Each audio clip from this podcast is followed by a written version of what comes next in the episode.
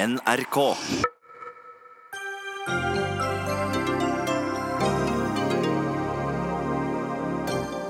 Er reglene for bekjempelse av lakselus strenge nok? Og er Harald Tom Nesvik den rette til å være fiskeriministeren som skal vurdere det? Det spør Miljøpartiet De Grønne, som møter Nesvik hos oss. Finn Bjelke sluttet i NRK. Nå skal han lage popquiz i Radio Vinyl. Det får NRK til å true med rettssak, noe som får Radio Vinyl-sjefen til å be NRK ta seg sammen. Snart skal KrF bestemme seg for hvem de vil samarbeide med. Nå ber en partiveteran partiet om å prøve ut et tettere forhold til Arbeiderpartiet. Og tidligere ambassadør mener norsk venstreside kan spille en nøkkelrolle i krisen i Venezuela. Hvordan skal venstresida klare det når Norge har sanksjoner mot landet, sukker latinamerikaforsker og Rødt-medlem.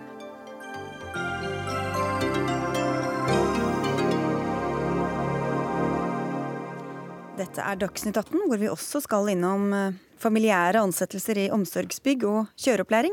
Jeg heter Sigrid Solund. I dag møttes fiskeriministeren og representanter for oppdrettsnæringa for å diskutere bruken av medisiner for å fjerne lakselus. Rekefiskere frykter at tømming av avlusningsvann fører til at rekene i havet forsvinner. Samtidig mener flere politiske partier at det er problematisk at fiskeriminister Harald Tom Nesvik er satt til å foreslå mulige innstramminger i regelverket, når han selv kommer direkte fra en stilling i oppdrettsnæringa, som kommunikasjonssjef i Sølvtrans, verdens største brønnbåtrederi. Mer om det senere, men først til deg, Harald Tom Nesvik, fiskeriminister. Du er med oss fra Ålesund nå. Hva kom det ut av møtet i dag?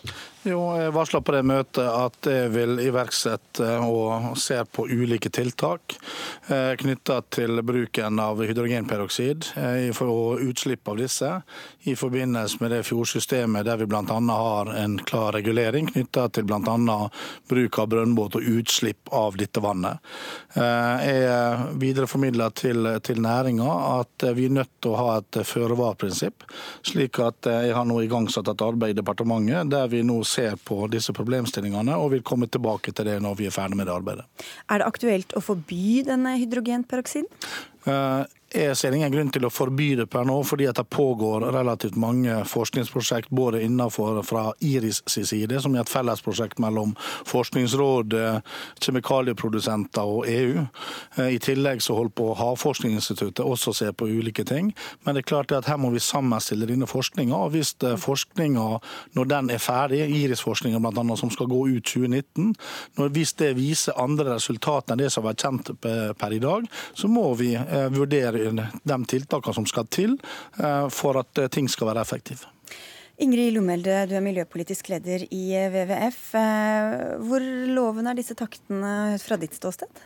Jeg syns jo først og fremst at det er veldig fint at ministeren trekker fram føre-var-prinsippet, som er grunnleggende både for Jeløya-erklæringen og også i naturmangfoldloven. Og det som er viktig med det prinsippet, er jo at mangel på kunnskap ikke skal brukes som et argument for å la være å treffe tiltak. Eh, og da blir jeg jo veldig spent på da hva ministeren mener, eller hvilke tiltak han mener at eh, vi skal iverksette. Det finnes jo veldig mange ting man kan gjøre for å sørge for at vi ikke bruker dette kjemikaliet mens vi venter på at forskningen kommer på plass, sånn at vi får skikkelig kunnskap om hvilke effekter dette kjemikaliet har. Ja, føre var, Da skulle man jo kanskje tro Nesvik, at man ikke brukte det før man faktisk visste at det var ufarlig? Ja, føre var går også på hvordan man bruker det, og i hvilke settinger man bruker det. Fiskevelferd dreier seg også knytta til at eh, man eh, ikke skal ha lus på fisken. Eh, slik at det er mange ulike faktorer som må spille inn her. Men det er helt åpenbart, og det har næringa fått beskjed med meg i dag, at det vil komme tiltak. Og så vil det komme tilbake til hvilke type tiltak når det foreligger, og det skal skje i rimelig nær fremtid. Men hvorfor bruke et middel som vi da ikke veit hvordan påvirker miljøet? Nei, Hvis du ser på den forskninga som har vært gjort, både knytta til halveringstid og ikke minst også den fortynninga som har skjedd når det gjelder hydrogenperoksid, eh, så har det vært eh, det middelet som man har kunnet ha brukt, der man har påvist minst skadepotensial for andre med eh, organismer. Så er det helt åpenbart, heldigvis, så har det vært en, en betydelig nedgang i bruk av både kjemikalier, legemidler og andre ting, som isteden har blitt erstatta av Optilizer Sterilizer og, andre, og termolyser og andre måter å jobbe med lusa på. og Det må man fortsette med. Men det er et langt stykke derifra til å si at vi i dag har tilstrekkelig med forskning til å si at dette skal forbys. Men jeg vil iverksette tiltak eh, som skal være med å forebygge disse tingene. Men jeg må få lov til å komme tilbake når vi har fått sett på selve virkningene av det, før jeg går ut med det i media. Det er jo utrolig urovekkende at denne nye forskningen viser at dødeligheten er så mye høyere selv etter at bruken av det kjemikaliet har gått ned. Og jeg syns det er litt overraskende at ministeren ikke eh, har tiltak han kan fremme med en gang, når næringen selv har mange gode forslag til tiltak. Norsk Industri f.eks. har satt seg en visjon om tre ganger null. Vi skal ha null lus, null rømming og null utslipp. Uh, og det går jo an å, å få på plass ganske raskt. Vi, vi, ja, kanskje, ok, få, Veldig kort, så må du skifte til næringa ja, sjøl. Ja. ja, jeg må få mm. kommentere det. for Jeg har nettopp hatt det møtet i dag, både med Sjømat Norge, med sjømatbedriftene og Norsk Industri. Nettopp uh, for å varsle at det vil komme tiltak. Uh, når det gjelder forskningsresultatet som, som, man viser til her fra WWF, ja da er jo nettopp problemet at vi er ikke kommet langt nok i akkurat den forskninga. Den forskninga var igangsatt i 2017 og har skal være ferdigstilt i løpet av 2019. Slik at det som har kommet frem i dag, en, altså hittil en delrapport ut fra den forskninga, og forskninga er ikke ferdigstilt ennå. Så rapporten foreligger faktisk ikke. Og Der kommer føre-var-prinsippet inn, da. Ja, for det er tydeligvis ikke grovt nok til at, at man skal forby det foreløpig, eller ikke tydelig nok. Men skal høre med deg da, Geir Ove Ystmark, du er administrerende direktør i Sjømat Norge. Allerede nevnt på dette møtet var dere altså hydrogenperoksid. Er noe i forbindelse med hårbleiking, ikke noe vi egentlig ønsker å ha eh, i fisken vi skal spise eller eh, i havet hvor rekene bor. Hvorfor skal dere bruke det? Altså, Årsaken til at man eh, har brukt hydrogenperoksid, er fordi det er et middel som man har ment er veldig miljøretta. Det splaltes i ren vann og ren oksygen etter ganske kort tid i behandlinga. Gir ingen skadeeffekter for miljøet på den måten. Det som er effekten av hydrogenperoksid, er at det fortynne skallet på skalldyr akkurat i behandlingstidspunktet. Og så er spørsmålet i hvilken grad det påvirker andre skalldyr enn en, en lakselusa. Som reker. Kan dere, kan dere garantere at dette ikke går utover rekebestanden? Ja, Det som uh, har vært uh, nylig har kommet fram, det er at en forsker som holder på med et forskningsprosjekt, har sagt at dødeligheten er høyere enn man har antatt tidligere. Det er én av mange forskningsprosjekter. Det forskningsprosjektet er heller ikke engang sluttført, så vi vet ikke godt nok hva som er, er saken. Men så er vi enige med statsråden i at, i at det kan være fornuftig å se på midlertidige tiltak i, som, i forhold til føre var. Eh, men samtidig må vi være sikre på at man ikke lager noe forbud mot, eh, mot virkemidler, som kanskje er noen av de mest miljørette man har. Spørsmålet er hva alternativet er, Lomelde, når man skal få knekken på denne lakselusa, da? Ja, og Det som eh, jo egentlig er ganske spennende i eh, oppdrettsnæringen nå for tiden, er at det skjer veldig mye teknologisk forskning på hvordan man f.eks. kan ha lukkede anlegg. Og det burde vi jo ha en regjering som satser mye sterkere på. Istedenfor så har vi nå et trafikklyssystem hvor regjeringen har en ambisjon om fem ganger vekst i oppdrettsnæringen uten at vi stiller krav til bærekraft. Det eneste kravet som stilles der, er krav til eh, lakselusforekomst. Og det betyr jo at man da insentiverer en økt bruk av midler for å ta knekken på de lusene, men at man ikke tar nok hensyn til resten av dyrene. Men, men, men, bare for å bryte inn der, fordi Det som har skjedd, er som statsråden også var inne på, det har vært en formidabel nedgang i bruk av alle disse midlene. Vi har, siden 2015 så har vi redusert bruken med 80% Vi har gått over til bruk av leppefisk, eh, skyting av lakselus med laser, ulike metoder. Nå ser vi også utviklingskonsesjonssøknader som går på hvordan man kan skanne hver enkelt laks eh, med ansiktsgjenkjenningsmetodikk, og med det få individuell behandling av laksen. Så dette er en næring som leverer og som er framoverlent på det teknologiske og på biologiske løsninger, og vi skal ha gode løsninger også i vårt lakselus. Jeg må innom et, et stikkord jeg nevnte i introduksjonen her, nemlig habilitet. Eh, Arild Hermstad, du er nasjonal talsperson for Miljøpartiet De Grønne.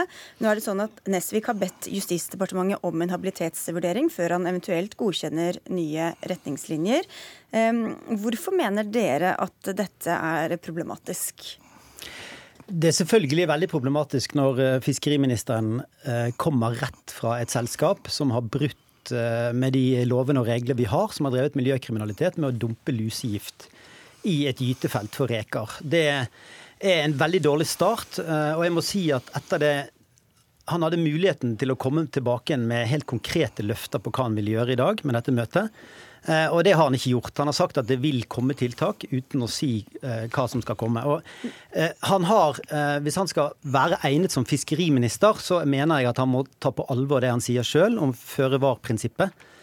Og da er det ikke godt nok å la regelverket fortsetter å være uklart, og ikke etterforske de utslippene som, som kommer fra oppdrettsnæringen. Og det Eh, det er rett og slett sånn at uh, våre fjorder fylles med både kjemikalier og avfallsstoffer fra næringen, og det må opphøre. Men og Spørsmålet er jo tilliten til deg, da, Nesvik. Jeg nevnte det altså, at du var kommunikasjonssjef vel i dette selskapet? Nei, han var faktisk ikke det. Jeg, var, var jeg var, ikke i ledelsen, jeg var samfunnskontakt, samfunnskontakt. og medieansvarlig. Det vil si at jeg var ansvarlig for å ha kontakter med myndigheter og media.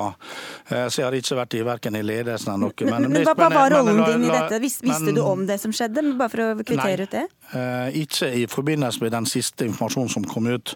Eh, men det spiller ikke noen rolle. Jeg kan ikke svare for, på vegne av et selskap, det må selskapet svare på. Eh, kan jeg kan svare, svare på, på habiliteten. Ja. ja. jeg må mm. svare på habiliteten, så hvis programlederen tillater det, så skal jeg gjøre det. Ja, det. Fordi at det har vi faktisk gjort. Vi har sendt og fått svar også fra Justisdepartementet. I henhold til, til den praksisen som vi har gjort, så har jeg sendt det brev til Justisdepartementet nettopp for å få vurdert min habilitet. Og ikke bare Justisdepartementet, før jeg også ga ut den veilederen som eh, vært, ble etterspurt i ett og et halvt år, som ikke har kommet, som nå er kommet, så uh, vurderte også fagavdelinga nettopp i departementet også disse tingene her nå. Nettopp for at det ikke skal være noe habilitetsproblem, og er ikke inhabil. Uh, men saken er jo bare det, det, bare det at uh, for Miljøpartiet De Grønnes side så vil jo enhver person som har vært i tilknytning til en eller annen jobb i forbindelse med et eller annet så har med et oppdrettsselskap gjør, vil jo de erklære for inhabil fordi at de er mot næringa i seg sjøl. Og, det, er jo det som er problemet her. Dette er jo, men, La, la Helstad få svare på det. Ja, det er jo veldig interessant at ministeren eh, påst, kommer med en sånn påstand. Vi er veldig bekymret for næringen sin fremtid, på samme måte som norsk industri og en god del andre, så er vi bekymret for at næringen ikke tar miljøutfordringen på alvor. og vi har i mange år hørt om dette femdoblingen av næringen, mens det vi ser er at næringen ikke kan ekspandere i dag, fordi at den har enorme problemer med lakselus. Eh, og når det er nedgang i bruken av kjemikalier, så er det rett og slett fordi at man opplever at en del av de kjemikaliene man bruker, de blir altså lusen resistent mot. Så må man finne nye metoder. Jeg er også veldig glad for at ministeren sier at han er opptatt av dyrevelferd. Men det vi vet, er at laksen har ikke noe spesielt godt liv. Den, eh, den bruk, altså de, når man ikke bruker kjemikalier, så bruker man også ganske hardhendte metoder for å kvitte seg med lakselus. Og det eh, det betyr at vi vet at én av åtte laks dør i merdene, dels pga. lakselusbehandlingen. Eh, og dette betyr at hvis oppdrettsnæringen ikke snur seg rundt og gjør ordentlige grep for å bli bærekraftig, så risikerer vi å bli utkonkurrert fra andre land som gjør dette på en mye bedre måte. Men, til, men til, dette med habilitet, ville, ville, ville du vært like kritisk hvis han hadde kommet fra fiskeribransjen, f.eks.? Nei, altså Problemet her er jo at Så da er det et poeng det han altså, sier, da? eller? Nei, problemet er at han kommer fra et selskap som eh, har brutt retningslinjene. Altså, hvor han ikke var involvert? Og han har ikke sagt noe om at han beklager det, eller syns at selskapet skal beklage det. Og det syns jeg hadde vært veldig tydelig om han som fiskeriminister uttalte det. Og denne uken kom da kan man jo få anledning til det, da, Nesvik? Ja, men saken er jo at Hvis jeg går inn og uttaler meg knytta til et selskap, så er jeg jo nettopp inhabil. Og det er jo det som er problemet fra Miljøpartiet De Grønnes side her. Det er Fiskeridirektoratet som etterkontrollerer hvorvidt at man har brukt regelverket eller ikke. Man gikk også fra jeg tror det var Miljøpartiet De Grønne også, til det skritt å, å politianmelde enkelte selskap. Og politiet så ikke noe grunnlag for den etterforskninga. Mitt eh, ansvar er å knytte det å lage regelverk og sørge for at det skal etterholdes. Så det er Fiskeridirektoratet som skal kontrollere det. Og Habilitetsbiten det er vurdert fra min side eh, av Justisdepartementet, slik at eh, jeg har fått den Jeløya-erklæringen er ikke inhabil. Okay. Men hvis, når det gjelder overfor enkeltselskap, jeg vil jo ikke gå inn og behandle saker knytta til et enkeltselskap der jeg kan være, være påvirka av mitt tidligere arbeidsforhold. Det okay. sier jo seg sjøl, men i generell politikkutforminga så må ikke man blande korta her, slik som Miljøpartiet De Grønne nå gjør. Ja, Det var ikke vi som ba om den vurderingen om du var inhabil, det gjorde du faktisk sjøl. Og så tror jeg det er veldig viktig, sikker. Det er veldig viktig å si at eh, vi, når, vi gikk til anmeldelse, så var det jo fordi at vi ønsker at de regelverkene vi har, både skal være tydelige, men ikke minst at de blir fulgt av hensyn til kystmiljøet vårt og rekefiskere og andre som faktisk rammes okay. av en for dårlig politikk. Ystmark, dere i Sjømat Norge, føler dere det er ekstra betryggende med en fiskeriminister som kommer fra deres egen bransje? Nei, Vi er opptatt av at vi skal ha sterke og gode politikere, uavhengig av om de har bakgrunn fra vår bransje eller ikke. Men det kan heller ikke bli slik at eh, det å ha bakgrunn fra vår bransje er ekskluderende. Vi har i alle år eh, eh, rekruttert både landbruksministre eh, fra, fra landbruket, vi har rekruttert lærere til, til, som utdanningsministre. Så vi kan ikke komme opp i en slik situasjon at hvis bare man har bakgrunn fra sjømatnæringa, så er man ekskludert fra å ha noen rolle politisk i forhold til, til fiskeri.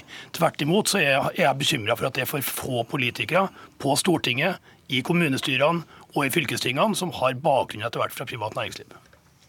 Ja. Altså, det er ingen her som ikke vil at man skal ha fagkompetanse og ha god bakgrunn. Eh, Det som er viktig, er at en fiskeriminister må også kjempe fiskerne sin sak. Eh, Og Denne uken kom det altså en melding fra Austevoll om at en rekefisker legger ned. Det er ikke den første, og han påpeker i likhet med Kystfiskarlaget at lusegiftdumping er et stort problem, og de mener det er grunnen til at de okay, mister livsgrunnlaget. Ja, men altså, Derfor så sier jeg la når vi nå får den forskninga som får disse tingene på plass, slik at vi kan empiri forskninga når vi treffer våre tiltak. Men jeg har som sagt hatt møte med Sjømat Norge eh, og de andre aktørene i dag, og det kommer tiltak. Det er bare det at i hvilke fora skal du lansere hvilke tiltak som kommer, av hensyn også til selskap som skal forsvare andre ting. Jeg tror Derfor svaret så- er Dagsnytt 18 bestandig, er det ikke det? ja, det er, ikke, det, er dessverre ikke, det er dessverre ikke der vi kommer med alle tiltakene. Først så skal man sørge for at tiltakene holder mål rent juridisk, og så fremmer man tiltakene. Og det er på vei allerede. Det kan jeg berolige Miljøpartiet De Grønne med. Ti sekunder, eh, Lomelde, på tampen. Ja, jeg vil bare minne om at nå har vi mistet 40% av livet i havet på 40 år. Jeg syns vi skal gi ministeren en sjanse til å vise at han er minister for hele havet og alle artene som lever der. Derfor det blir de siste Og det ser han virkelig frem til, faktisk. Takk skal dere ha, alle sammen. Eh, Arild Hermstad fra Miljøpartiet De Grønne, Geir Ove Wistmark fra Sjømat Norge, Ingrid Lomelde fra WWF og fiskeriminister Harald Tom Nesvik. Dagsnytt 18 alle hverdager klokka 18.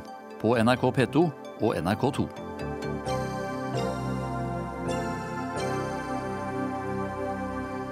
Hvis jeg sier lørdag formiddag, musikk fra de siste tiårene, innringing og konkurranse og mangeårig NRK-programleder Finn Bjelkes lune stemme, hva tenker du på da? Hvis du har vært innom P1 en helg i løpet av de siste ti årene, er det stor sannsynlighet for at svaret på det spørsmålet er Popquiz, programmet som har samlet flere hundre tusen lyttere rundt om i det ganske land. Men nå er det ikke lenger NRK P1 som skal bringe alle disse elementene. I sommer meldte Bjelke overgang til Radio Vinyl, hvor han skal lage Finn Bjelkes popquiz, og nå vurderer altså NRK å gå rettens vei for å stoppe det hele. Og hvorfor gjør dere det, Jon Branes, fungerende radiosjef i NRK? Eh, Vi synes jo at det er litt oppsiktsvekkende at eh, vi har en konkurrent som vil starte et program som heter det samme som vårt program. eh, Som skal handle om det samme som vårt program, og som skal være formatert slik vårt program er, i samme sendetid som vårt program. For det er jo ikke slik at programmet er flyttet. Det lever i beste velgående og sendes hver eneste lørdag, også i morgen, i NRK P1. Heter Popquiz og har fått en ny programleder. Eh, Og Det gjør at vi eh, har rettet en henvendelse til våre konkurrenter i Bauer Media og sagt at eh, vi syns ikke dette er noe ålreit. Dette programmet fins allerede. Og dere kan ikke bare skrive i en pressemelding at nå er det flyttet. For det er det faktisk ikke. Og i mottakerenden er deg, eh, Lasse Kokvik. Du er altså administrerende direktør og daglig leder i eh, Bauer Media. Og dere driver da bl.a. Radio Vinyl. NRK må ta seg sammen, har du sagt. Hvorfor? Ja, eh, jeg kom i skade, eller var heldig med den bemerkningen i en debatt i går. Nei, men Det henger jo sammen med at vi, vi blir fly forbausa i NRK. Eh, Vi har ansatt en tidligere ansatt personlighet i NRK som burde vært klappet på skulderen, som har gjort en fantastisk jobb for NRK med popquiz, bl.a. i mange år. Eh, Og så har hun sagt opp sin stilling og tatt seg eh, arbeid eh, på den uavhengige siden, og denne gangen er det Radio Vinyl. Og han heter Finn Bjelke. Og det jeg tror egentlig NRK er litt sår for her, er at han heter Finn Bjelke, og at han er en utmerket programleder. Eh, og så er det noe med denne indignasjonen som kommer fra NRK. Vi hørte, altså I innledninga til Jon nå så sier han vi konkurrerer. Altså NRK er veldig opptatt av å konkurrere. Hva i oppdraget til NRK gjør at Jon må være så veldig opptatt av å konkurrere ja, men, med oss? Men, men, for å ta dette, altså det er Samme programleder, samme sendetid, samme innhold. Hvorfor kan dere ikke heller Det er ingen som vet, fordi dette programmet har ikke premiere, premiere før neste lørdag klokka 11. minner litt om det som er blitt Nei, sendt men altså, foreløpig. hvor gener... altså, eh, ordet popquiz, eh, gjør et søk på det på Google. Det er ganske mange som har tatt det i bruk eh, både på puber og på tidligere radiostasjoner. Og hvis, eh, hvis NRK virkelig skulle være så kritiske som de her gir til uttrykk overfor oss, så vet vi at BBC har laget dette lenge før NRK kom i gang. Haugesund, Radio Haugesund 102, mange år siden har holdt på med dette. Så det er en rekke radiostasjoner og andre underholdningsaktører som har brukt popquizer.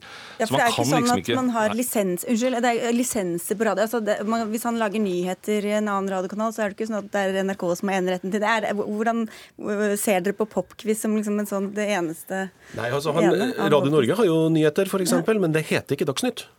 Og hvis han eh, kan friste deg, Sigrid Solund, til å melde overgang til Radio Norge f.eks., så får ikke du lov til å starte Dagsnytt 18. Eh, Så det handler litt om hva slags eh, programmer er det vi eh, har på de forskjellige kanalene fra før. Jeg syns det er interessant å merke seg det som dere skriver i pressemeldingen, at Finn Bjelke er tilbake med samme program til samme tid, men hos konkurrenten. Tittelen blir som før Popquiz. Det er det dere skriver. Altså Og så har det kommet noe nytt da siste uka, fordi Ja, ja. nå er pressemeldingen da på deres egne nettsider korrigert. Så nå har de sluttet å skrive Popquiz med stor P. Eh, Så Nei, kanskje er det noen voksne nei. som har snakka sammen og Nei, funnet ut dette her. Her er det ingen voksne som har snakket sammen, og vi har ikke tatt opp den hansken i det som hele er tatt, viktig for meg å si, Det som er viktig for meg å si. Finn Bjelke han gjør en begavelse. Han skulle gjerne hatt den her fortsatt. Kjempeflink programleder. Han har vært viktig for NRK, vært viktig for Popquiz. Men han er jo en ressurs for Radio Vinyl, som dere kommer til å ha mye glede av. Lytterne kommer til å ha masse glede av framover.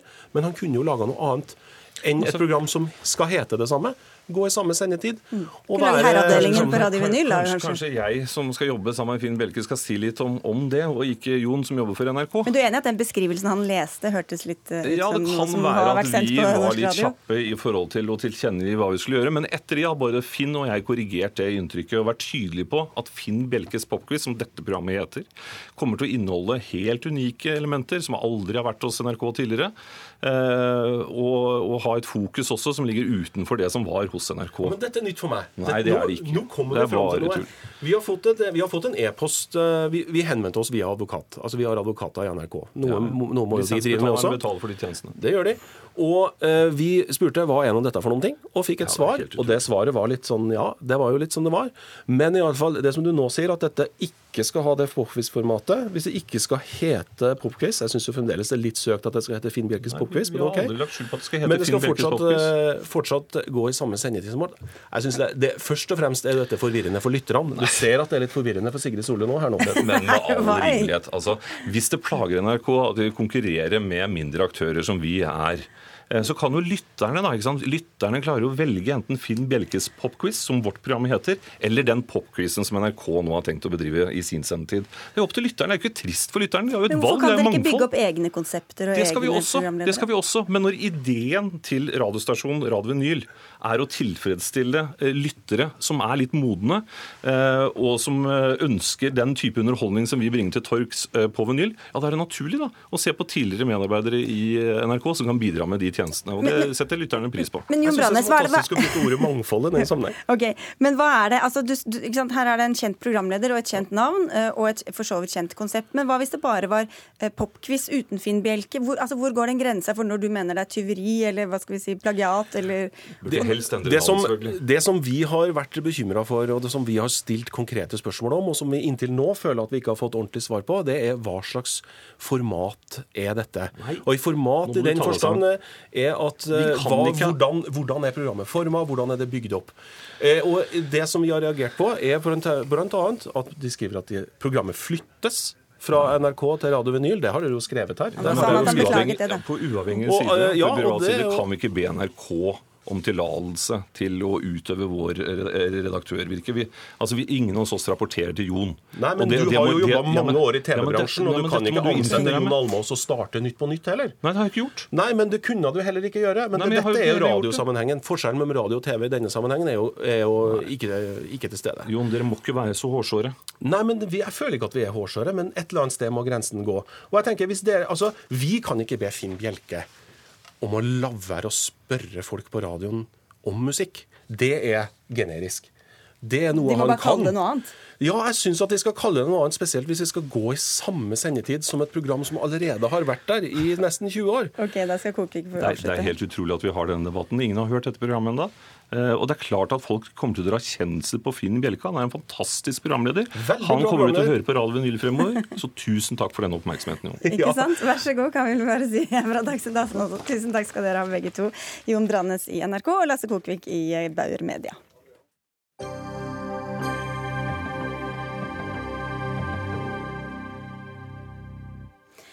Venezuela er i eh, økonomisk krise. President Nicolas Maduro blir stadig mer autoritær, og flere enn 2,3 millioner mennesker er på flukt fra landet.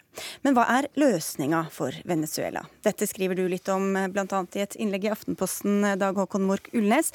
Du er tidligere ambassadør til Venezuela, og la meg legge til også Høyre-medlem. Og du beskriver i et innlegg da, eh, hvordan Cuba kan være med på å påvirke Venezuela i riktig retning, og dermed at norsk venstreside bør gi tydelige beskjeder til cubanske myndigheter om dette. Hvorfor har venstresida et spesielt ansvar her, mener du? Jeg tar utgangspunkt i eh, noe som eh, har vært skrevet eller sagt av flere. Blant annet var det en, en en artikkel av en kjent forsker i USA eh, som mente at i denne tilsynelatende uløselige situasjonen, eh, så må noen ta ansvar og prøve å bringe partene sammen. F.eks. en vennlandsgruppe. Så nevnte han noen land i Latin-Amerika og ett land i Europa med, eh, med erfaring fra fredsmegling. Det Snublende nær å tro at det er Norge. Ehm, eh, og eh, når eh, da man ser på Da var ikke Cuba nevnt, men jeg mener Cuba, som har nå så sterke interesser i, Venezuela, både det kan vi komme tilbake til. Sin involvering på mange plan, strategiske plan osv. Ehm, eh, utvilsomt har en nøkkel. Mm. Og, og, og, Hva er det ved norsk venstresides forhold til Cuba som gjør at de da bør reise ned dit og gi så klar beskjed? Det var slik, ja. Eh, slik, jeg mente. At jeg vet at eh, jeg vet at den, jeg har grunn til å tro at den cubanske ambassaden her i Oslo sitter og følger nøye med på debatten i, i Norge. Vi har hatt tilløp til debatt. Det er andre som har pekt på at særlig eh, SV og Rødt, som har snakket om at Chávez var en slags ny eh, Gerhardsen. Eh, det var store håp det som, at det ville skje en fantastisk utvikling i Venezuela. Nå har det gått da blitt en katastrofe, og venstresiden sier ingenting. Eller det er dørgende stille. Og Da peker du også på det du mener er et romantisert forhold til Cuba, også blant den samme venstresida. Vi skal til deg først, Even Sandvik Underli. Du er forsker og forfatter. Forsker på Latin-Amerika, men er også medlem av Rødt. Har venstresida i Norge et spesielt moralsk ansvar, og også da bør gi klar beskjed til Cuba? Ja, For det første så må jeg jo si at jeg ikke representerer Rødt her, og jeg tror det er et ganske bredt spekter av synspunkter både i Rødt og, og SV på, på, Venezuela. Eh, jeg tenker jo at eh, altså, Det er en merkelig debatt å snakke om, om, hvem som har moralsk ansvar her. Eh, men hvis en først skal snakke om det, så har høyresiden et vel så stort moralsk ansvar, jeg vil si mye større, ved at en støtter og til dels og ikke fordømmer sanksjonene mot Venezuela. FNs, eh, FN hadde en spesialutsending i Venezuela i fjor, Alfredo de Sayas, som har sammenlignet sanksjonene mot Venezuela med krigføring i middelalderen. Du sperrer inne en by, og, og, og så overgir byen seg, da, uh, venter man, når, når, det ikke lenger er mat igjen. Uh, han sier også at sanksjonene allerede dreper folk. Jeg kan gi noen helt korte eksempler på det. Venezuela får ikke tatt betalt for krafteksport til Brasil. Kontoer, venezuelanske kontoer fryses i utlandet. Eh, en har problemer med refinansiering av eh, gjeld. Eh, medisiner kommer forsinket til landet. En får ikke hente tilbake profitt fra mange tusen bensinstasjoner som en eier i USA. Og i tillegg så er det Dette er riktignok sanksjoner av nokså ny dato. Det er USA-sanksjoner jeg snakker om her, mm. som Norge symbolsk støtter opp om. Men i 20 år så har det vært en kupptrussel det har vært press, det har vært forsøk på destabilisering, og ingen land vokser økonomisk eh, under, eh, under sånne forhold. Men vi kan høre med deg, Ulnes, Hvorfor er dette noe som skal overlates til opposisjonen, når det tross alt er regjeringa som sitter på alle potensielle maktmidlene her? Jeg, jeg, har grunn til å tro at regjeringen følger nøye med, um, og, og, at det er en vilje. Men uh, det, er, uh, det, det, er først og fremst de som har heiet frem dette regimet, som har, som har gått til grunne, som også må ha et ansvar å, peke på at her må verdenssamfunnet tre sammen for å gjøre noe. Men, men hvis eh, Audun Lysbakken og Bjørnar Moxnes hadde reist til Cuba eller Venezuela for den saks skyld, hvor mye tror du de hadde blitt lyttet mm. til av myndighetene i, i landene? Nei, vi, vi, vi, Norge har et veldig nært forhold til Cuba nå pga. fredsprosessen med FARC. Men tilbake til det med sanksjonene. Det må ikke stå uimotsagt.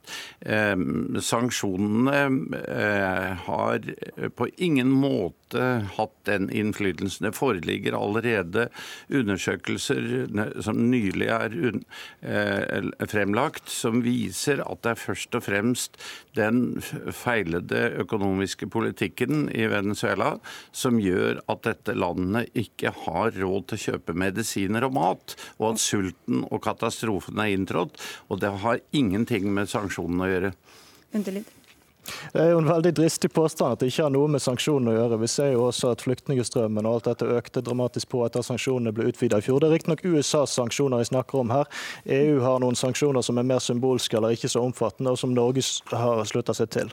Men iallfall så lenge Norge ikke tar avstand fra den sanksjonspolitikken, så har Norge ingen sjanse, tror jeg, til å spille eh, en forhandlingsrolle her. Dette, dette her er, eh, en har et moralsk ansvar. Det er mange som har et moralsk ansvar. Jeg mener vi alle har et moralsk ansvar for alt vi gjør i livet. Men, men, men høyresiden, altså det slår meg at det er mye viktigere hva Erna Solberg og Trump foretar seg, men, enn et par, en håndfull aktivister på norsk venstreside uten reell makt. Men vi må ikke glemme at dette landet har, har kjørt seg selv i senk til de grader som gjør at det er eh, mangel på mat det, det, er mangel på uh, valuta for lenge siden. De, de, de har tømt sine valutareserver allerede for åtte-ti år siden. Uh, og det var lenge før sanksjonene ble innført. Men underlig, Det ble nevnt Cuba her, eh, og at da norske venstreside burde dra til dette landet som de ifølge den tidligere ambassadøren her ynder å dra til uansett. Men er du enig i at Cuba spiller en, eller kan spille en nøkkelrolle? Jeg tror Cuba kan spille en viktig rolle, og Cuba har innflytelse i Venezuela. det er ingen tvil om. Men Venezuela er også altså Norge har et eh, Det virker som et brukbart forhold til Cuba etter eh, forhandlingene med om, eh, Colombia. Men et veldig dårlig forhold har jeg inntrykk av til Venezuela. Dette er ikke mitt felt, det vet ambassadøren mer om. Men altså det viser at det er to forskjellige, det er to forskjellige land det er snakk om. Men jeg kan ikke akseptere det underliggende premisset her om at alt skyldes regjeringen. Ja, regjeringen har hatt en feilslått økonomisk politikk, men i Venezuela så kommer altså, allerede allerede i 1945 så kom 91 av, eh, av, eh, av, eh, statens eksportinntekter fra oljesektoren. Vi har aldri hatt en så ekstrem oljeavhengighet i Norge, og, og det har alltid vært store Men det har da ikke noe med USA å gjøre? Det har ikke noe med sanksjoner å gjøre, men det har noe å gjøre med hvor, i hvilken grad regjeringen har ansvar for krisen. Man har hatt eh, såkalte boom and burst cycles med store oppturer og ekstremt kraftige nedturer, som er blitt forsterket av sanksjoner, som er blitt forsterket av sabotasje, og som er blitt forsterket av regjeringens feilslåtte politikk også. Men dette er reelt. Og en av seks ganger så mange innebyggere å fordele oljeressursene på, så det er som Norge. Men, men, det som eh, er eh, viktig, det er at noen må føle et ansvar for å bringe partene sammen. Og, eh, og, men er du ikke enig i at kanskje det er større sjanse for at de lytter til Erna Solberg enn Bjørnar Moxnes i så måte? Hvis jo, men hele, hele, tiden så har Moxnes og andre eh, eh, trykket både Cuba og eh, Chávez til sitt bryst og sagt at det er dette vi ønsker skal skje i Latin-Amerika. Og dette er en katastrofe. Og hvorfor gjør man ikke noe da? Så det er mer en beklagelse du etterlyser enn egentlig handling, da? Muligens. Mm. ok, underlig ti sekunder på tampen. Men man kan ikke beklage. Jeg støttet Chávez fordi det var en utvidelse av demokratiet. Det var noe helt annet. Altså, det var en annen periode. I så fall så kan man ikke mene noe her i livet det, om, om, noe land. For det, du kontrollerer ikke, du fjernstyrer ikke utviklingen herfra. Eh, og Dessuten så er situasjonen mye mer komplisert og sammensatt enn, enn det vi får inntrykk av i media. Ja. Ja, nei, nei, skal vi si, her, det, her, kan vi holde på lenge. Vi fikk, vi fikk, en liten flik, i hvert fall. Takk skal dere ha begge to. Even Sandvik Underlid, forsker og forfatter, og Dag Håkon Mork Ulnes, som også er tidligere ambassadør til Venezuela. Takk.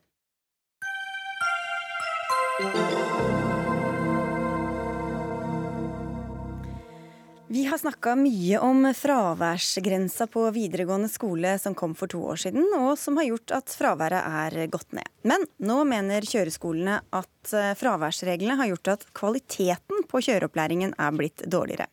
Grunnen er at elevene rett og slett opplever stort eh, tidspress, fordi kjøretimene som mange tar i løpet av skoletiden, altså ikke regnes som gyldig fravær. Turi Christensen, du er medlem av utdannings- og forskningskomiteen på Stortinget og representerer Høyre.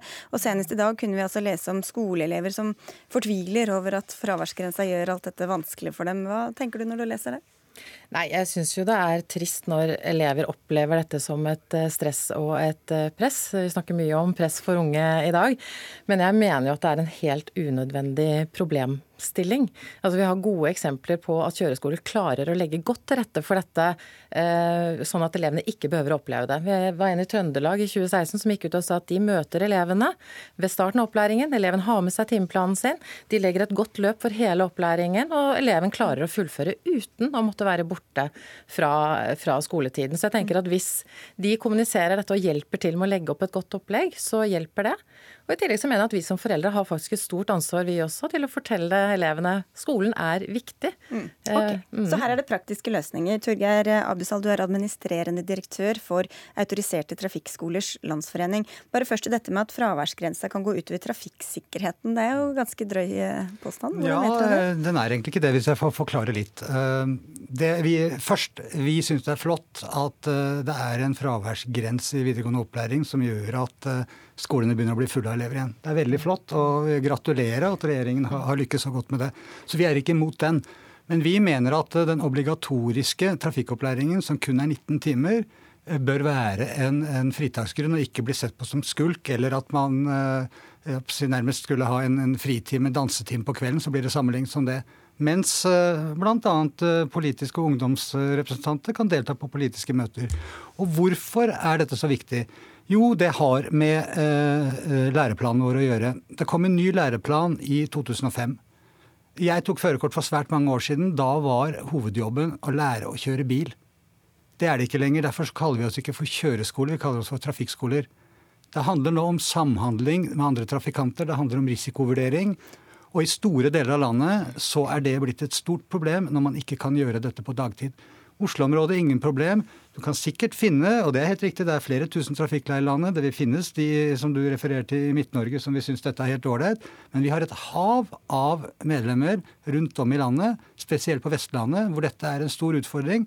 Og hvor de sier at rammevilkårene som nå er satt ved fraværsgrensen, gjør at de ikke får fylt målsettingene i læreplanen. Altså, fordi at Poenget er da at de kan, hvis de skal ta kjøretimer på kvelden, så er det ikke det samme trafikkbildet som ja. de trenger. Er det, er det, det som er poenget? Det er hovedpoenget. fordi uh, det er såpass enkelt at hvis du kjører, og nå snakker vi ikke om Oslo-området, hvis du kjører rundt om uh, i store deler av landet vårt, f.eks. har en time klokken syv om kvelden, du opplever ikke køer, du opplever ikke Men gjør du det klokka elleve på dagen, da? Ja, i større grad. Du gjør det. Uh, ja, få høre med deg. Altså, jeg, jeg, det, er, det, er, disse tingene jeg ikke helt forstår. Altså, da vil man heller ha kjøreopplæringen midt på dagen, hvor du i hvert fall ikke har de utfordrende trafikkbildene. det bildet. Uh, og det disse skolene gjør som får dette til på en god måte, det er jo at elevene kjører kanskje noe før skoletid. De kjører rett etter skoletid. De kjører i fritimer som også er midt på dagen. Men de møter jo da en mye mer avansert trafikkbilde når du er ute i rushtrafikken. Ja, for skolen er vel ferdig før rushtrafikken? Da kommer de rett inn i ja. rushtrafikken hvis de tar kjøretimen etter, etter etter, skoletid? Jo, men vi kan ha kjøretimer rett etter skolen. Dette varierer jo selvfølgelig. Eh, det vi ser i dag, er at mange elever har timer halv syv om morgenen, åtte-ni om kvelden. Og for å fullføre dette med trafikkbildet. Det er fint, og det er viktig for å forstå trafikkbildet, for risikoforståelsen, at man opplever skoleelever, man opplever syklister, man opplever kø, man opplever det trafikkbildet som man skal ut i når man har fått førerkortet. Og så vil det jo også være slik at hvis man skal gjøre dette etter skoletid, så har man vært på skolen, man er trøtt og sliten, man har ikke det samme utbyttet av det. Det vi er redd for, og som vi ser mye av nå, det er at eh, skoler tilpasser seg dette med å tilby intensivopplæring som er i strid med læreplanen. Eh, F.eks. høstferien nå. Så vil det være skoler som sier ja, elevene må bruke høstferien, vi kjører intensivt. Læreplanen er lagt opp til at det skal ta lang tid å ta trafikkopplæring. Gjerne to år. Og det, det blir For å ta et eksempel. Nei, men, ja, vi kan høre, Dere legger altså opp til et opplegg som er i motsetning til det dere egentlig ønsker at det skal være? Nei, men igjen, altså, Jeg har hatt full tillit til at uh, landets trafikkskoler tar sitt ansvar på alvor og sørger for at elevene får en god kjøreopplæring. De sier jo at de ikke klarer det med det systemet som er i dag. Jo, men det er jo mange som klarer det. Og da tenker jeg at uh, altså, skolens oppdrag er å lære elevene grunnleggende ferdigheter, og vi jobber nå mye for å rydde plass til at de skal få mer tid til det, mer tid til dybdeopplæring. Trafikkskolene har ansvar for kjøreopplæringen.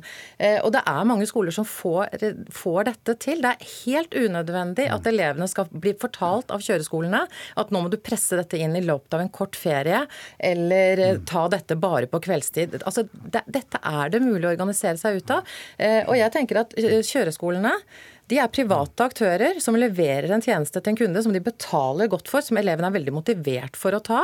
Og da har de et ansvar for å sørge for å tilpasse sin kjøreopplæring sånn at elevene faktisk blir gode og trygge sjåfører når de kommer ut. Dette er, dette er for enkelt, Turi. For du, du, du, ser, du, forutsetter at det lar seg løse.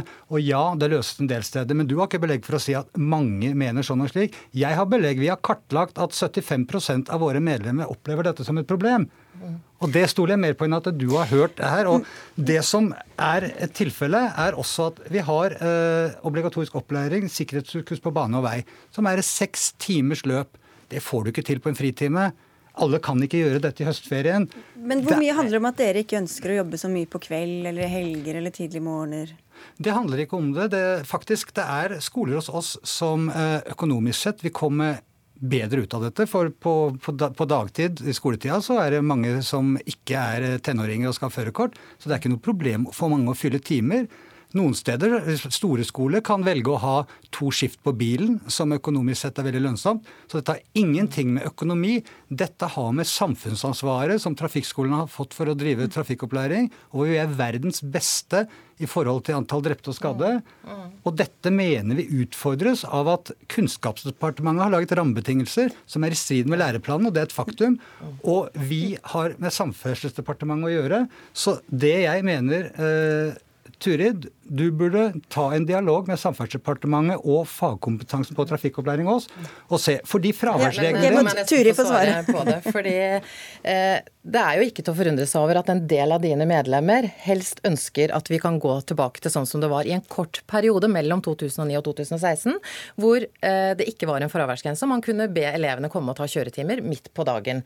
Eh, det vært et, har vært et argument at man ikke ønsker å jobbe så mye på kveldstid. Men jeg syns det blir litt historieløst. Vi har jo hatt fraværsgrense i videregående skole i veldig mange år. Det er kun noen få år hvor dette ikke var gjeldende, og hvor det ikke var gyldig fravær å ta kjøretimer. Og dette lot seg løse. Så jeg tenker at de har kanskje blitt litt godt vant til disse årene. så du skal ikke, vil... ta noen prat med, med, med samferdselsministeren? Altså, jeg ønsker alltid mer kunnskap, men her mener jeg virkelig at kjøreskolene får ta sitt ansvar og organisere dette på en bedre måte. Ja, jeg, jeg beklager beklager at, at, man ikke lytter på det. Fordi eh, ja, det fantes regler før hvor ikke trafikkopplæring var en gyldig frakastur. Men skolene praktiserte det slik at man fikk fravær. Så vi hadde ingen problemer før din regjering innførte fraværsregelen. Og nå må vi sette stopp for denne debatten. Takk skal dere ha begge to. Turi Christensen fra Høyre og Torgeir Abbesdal fra eh, Autoriserte Trafikkskolers Landsforbund. Hør Dagsnytt 18 når du vil. Radio nrk.no.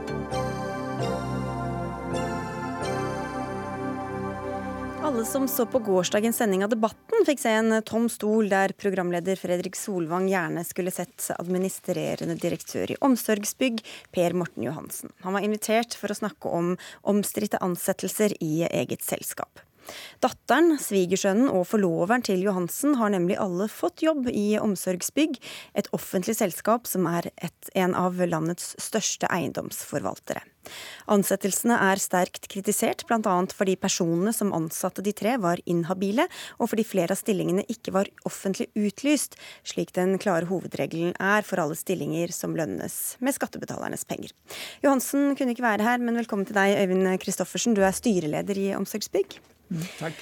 Eh, du er egentlig altså da den rette personen til å behandle ansettelser av personer som er i slekt eller har eh, et nært forhold til Johansen, fordi alle hans underordnede som dette ble sendt til, blir inhabile, ifølge loven og kommunerevisjonens granskning. Hvor mange av disse ansettelsene mener du at du burde vært involvert i? I, min tid som styreleder så har jeg vært involvert i de eh, ansettelsene som jeg burde vært involvert i. Og i forgjengeren din, da? Eh, burde vært involvert i de som gjaldt eh, familien, eh, eller familierelaterte forhold hvor, hvor administrerende direktør var inhabil. Men det er to sider av dette som slik det er behandlet av kommunerevisjonen. Det ene er et forhold hvor Johansen ikke erklært seg inhabil, men burde ha gjort det. Med forloveren? Forloveren, ja. Mens i de andre tilfellene så har jo Johansen erklært seg inhabil. Så han har jo sett relasjonen og at det eh, ikke var heldig. Mm. Men eh, problemet er jo, som du var inne på i innledningen, at, eh, at eh, organisasjonen også blir jo da indirekte, eller som en følge av det inhabile. Og det er der man gjorde en feil. Så, så, når man da oppdaget dette, at uh, direktøren uh, ikke har grunnleggende kjennskap til reglene for habilitet i et selskap som forvalter store mengder av skattebetalernes penger. Hva, hva ble konsekvensen? Eh, jeg kan snakke for min tid, og jeg, i min tid så har vi ikke hatt noen, eh, noen tilfeller av denne karakter. Fordi eh, det vi gjorde i styret i 2014, det var å vedta en prosedyre som håndterer all habilitet, eller hvordan man skal håndtere habilitet eller manglende habilitet eh, hos administrerende direktør. Så i min tid så har jeg vært involvert i to ansettelser eh, hvor de da har blitt løftet opp til styreleder. Etter, etter den prosedyren og på riktig måte. Men, men Omsorgsbygg syns altså det er OK å ha en direktør som ikke har visst om reglene for habilitet? Jeg, jeg tror det med å ha en direktør, det har jo noe med en helhetsvurdering å gjøre. Og vi mener jo også at det er rom for å, å kunne ta, ta, feil. Vi har ryddet opp i denne regelen, eller, eller i dette forholdet rundt habilitet, for å etablere gode regler og rutiner. Og det er siden uh, blitt håndtert på en veldig riktig og god måte. Mm. Så uh, ja, det tror jeg ja, For det, Som du sier, så sa han at han var inhabil, men han visste ikke hvor det skulle sendes. Eh, altså Det ble Nei, sendt feil vei, for å si det på den måten. Ja, det kan du si, for det skulle vært sendt opp til styreleder. Ja. Eh, men det er klart, eh, habilitetsreglene er jo slik at hvis han er inhabil, så er også resten av organisasjonen inhabil. Men det er viktig å se på at dette her var en, det var en intensjon om å gjøre det riktig. Det var en intensjon om å erklære seg inhabil og ha en armlengdes avstand til det. Feilen var jo at man ikke tenkte på dette med indirekte eh, inhabilitet. Men Bør man vite om hvordan sånt skal behandles, hvis man eh, har den stillingen og forvalter så, så mye penger? Jeg, jeg, tror at det er riktig at man eh, må kjenne til den type ting. Eh, også eller i offentlig forvaltning. Det er jo en del av forvaltningsloven. Men det fikk ikke noen konsekvenser at han ikke gjorde det? Nei. Nei. Eh, og så til dette med forloveren, som, som jo er som du sier, litt, an, eh, litt, annen eh, sak. Da var det sånn at I 2009 signerte han selv ansettelsespapirene til sin egen forlover. På Facebook-veggen til Johansen har denne nevnte forloveren i 2012 skrevet 'Gratulerer så mye med dagen til min gode kamerat gjennom 30 år', smilefjes. Hvordan er det mulig å overse eh, at dette var en så nær relasjon? Det blir vanskelig for meg å spekulere i, men det er klart eh, det er jo en relasjon hvor eh, man burde ha erklært seg inhabil og eh, burde ha vært håndtert etter det regelsett som vi har nå. Men, eh, så, så, det er en feil som kommunerevisjonen har påpekt, og som vi slutter oss til i styret, er, er at, at, at, det burde vært unngått. Men hva, hva sier du om vurderingsevnen? Jeg tror at uh, vurderingsevnen på dette tidspunktet kan, kan bemerkes, men, men, det er klart, i en stor, kompleks organisasjon med mange ting, så mener jo vi at uh, av og til så skjer det en glipp av dette. Det er langt tilbake i tid, det er viktig å tenke på også. Og etter at, vi, etter at dette ble tydelig med, med habilitetreglene og hvordan det skulle håndteres, og den nye prosedyren kom på plass, så har, jo, har det vært håndtert helt etter boka. Noen måneder før kameraten fikk eh, denne stillingen, så søkte han jobben som eiendomsansvarlig i Omsorgsbygg. Og daværende eiendomssjef Anne Løseth har sagt i Dagbladet at Johansen ba om at kameraten skulle innkalles til intervju, uten å fortelle om relasjonen. Det sa Løseth nei til, fordi han, kameraten altså ikke var kvalifisert. Mm. Eh, hva sier du til det?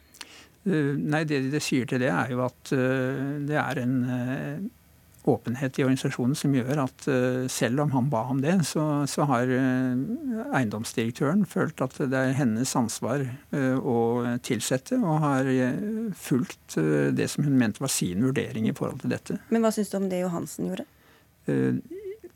Jeg synes det, det, kan jeg ikke spekulere i. Det var lenge før min tid. Du trenger ikke å spekulere, det kan bare vurdere.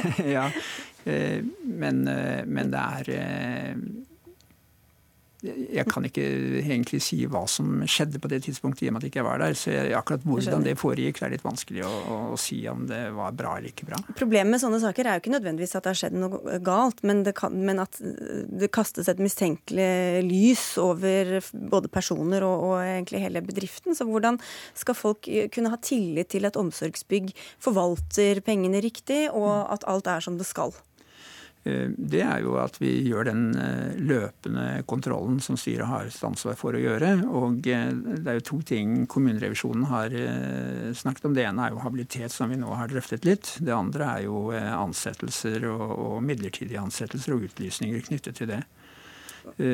Og det, det, det første, det med habilitet, ja, ja. Bare, ja. Oh, ja. Jeg bare prøvde å signalisere at vi ikke har så voldsomt mye tid, men svar. Ferdig. Oh, ok.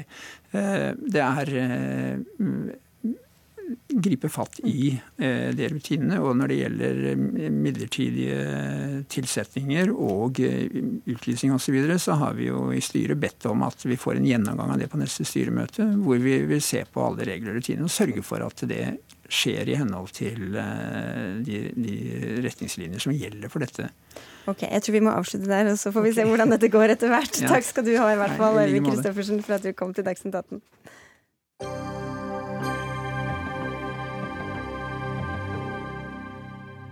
Når Kristelig Folkepartis landsstyre samles om en uke, kommer partiledelsen mest sannsynlig til å gi velgerne hint om hvilken politisk side de ønsker å samarbeide med framover.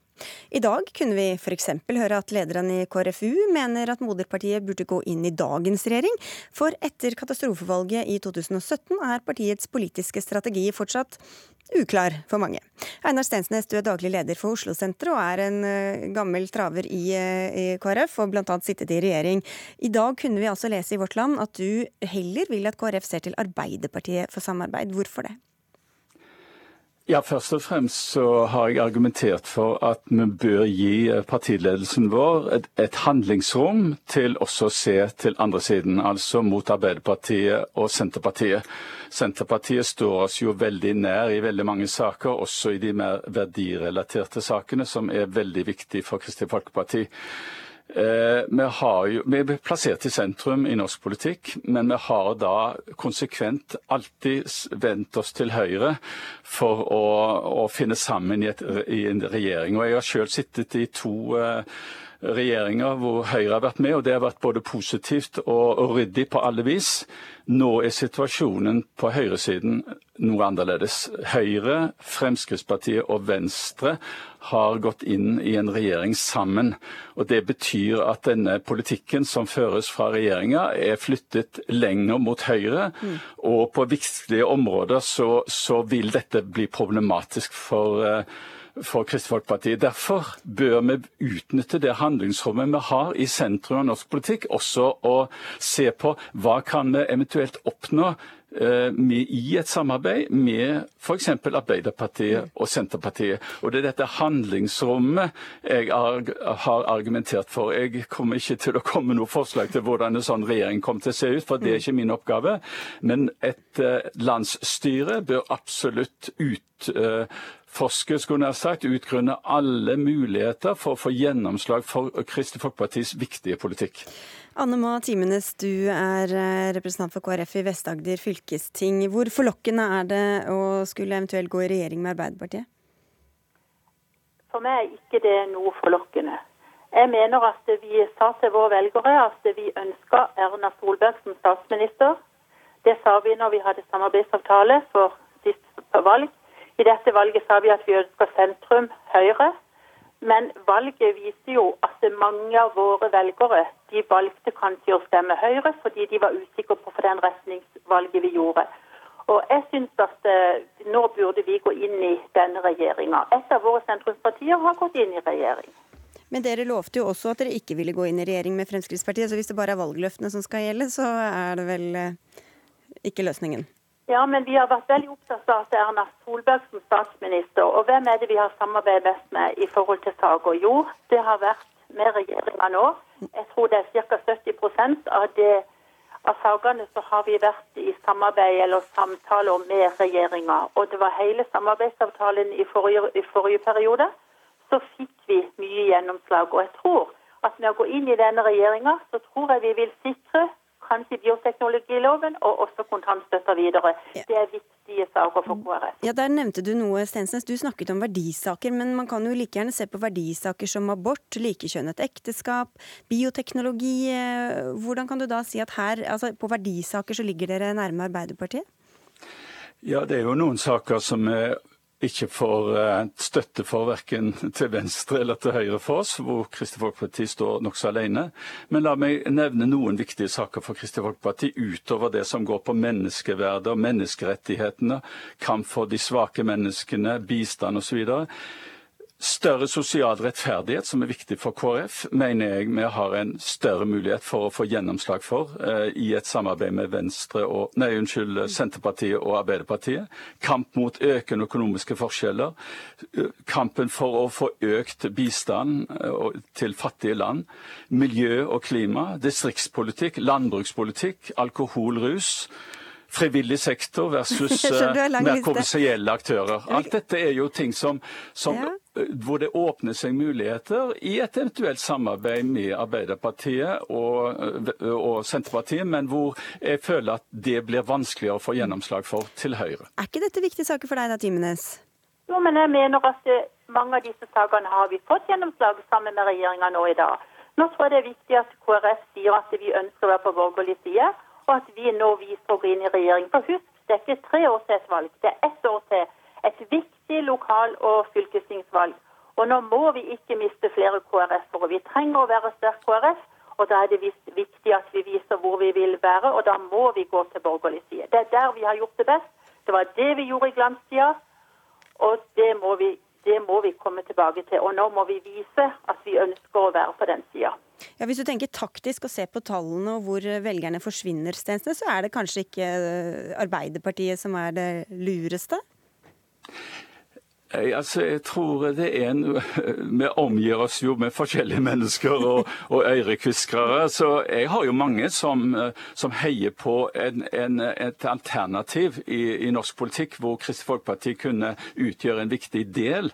Eh, og, og det er, det er jo flere ting som må gjennomtenkes. Jeg har vært i to regjeringer og vet at det er tre elementer som er viktige for oss. Hva kan vi bli enige om? Det er rent politisk. Og hva er vi uenige om?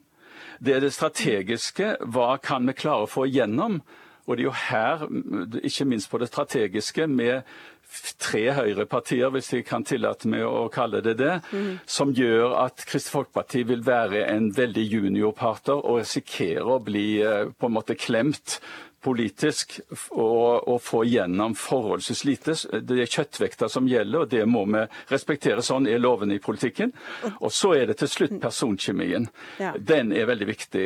I dag-for-dag-arbeidet eh, i en regjering, det er et arbeidsfellesskap som krever personlig god uh, kjemi med andre. Og det der jeg, jeg syns at uh, ja, for, Forholdet til Fremskrittspartiet med de uttalelsene som kommer derfra, overbeviser ikke meg om at det arbeidsfellesskapet må takke deg. Tusen takk skal du ha, for Jarand Ree Mikkelsen, Lisbeth Sellereit og jeg, Sigrid Solund, må takke for nå. Takk, takk.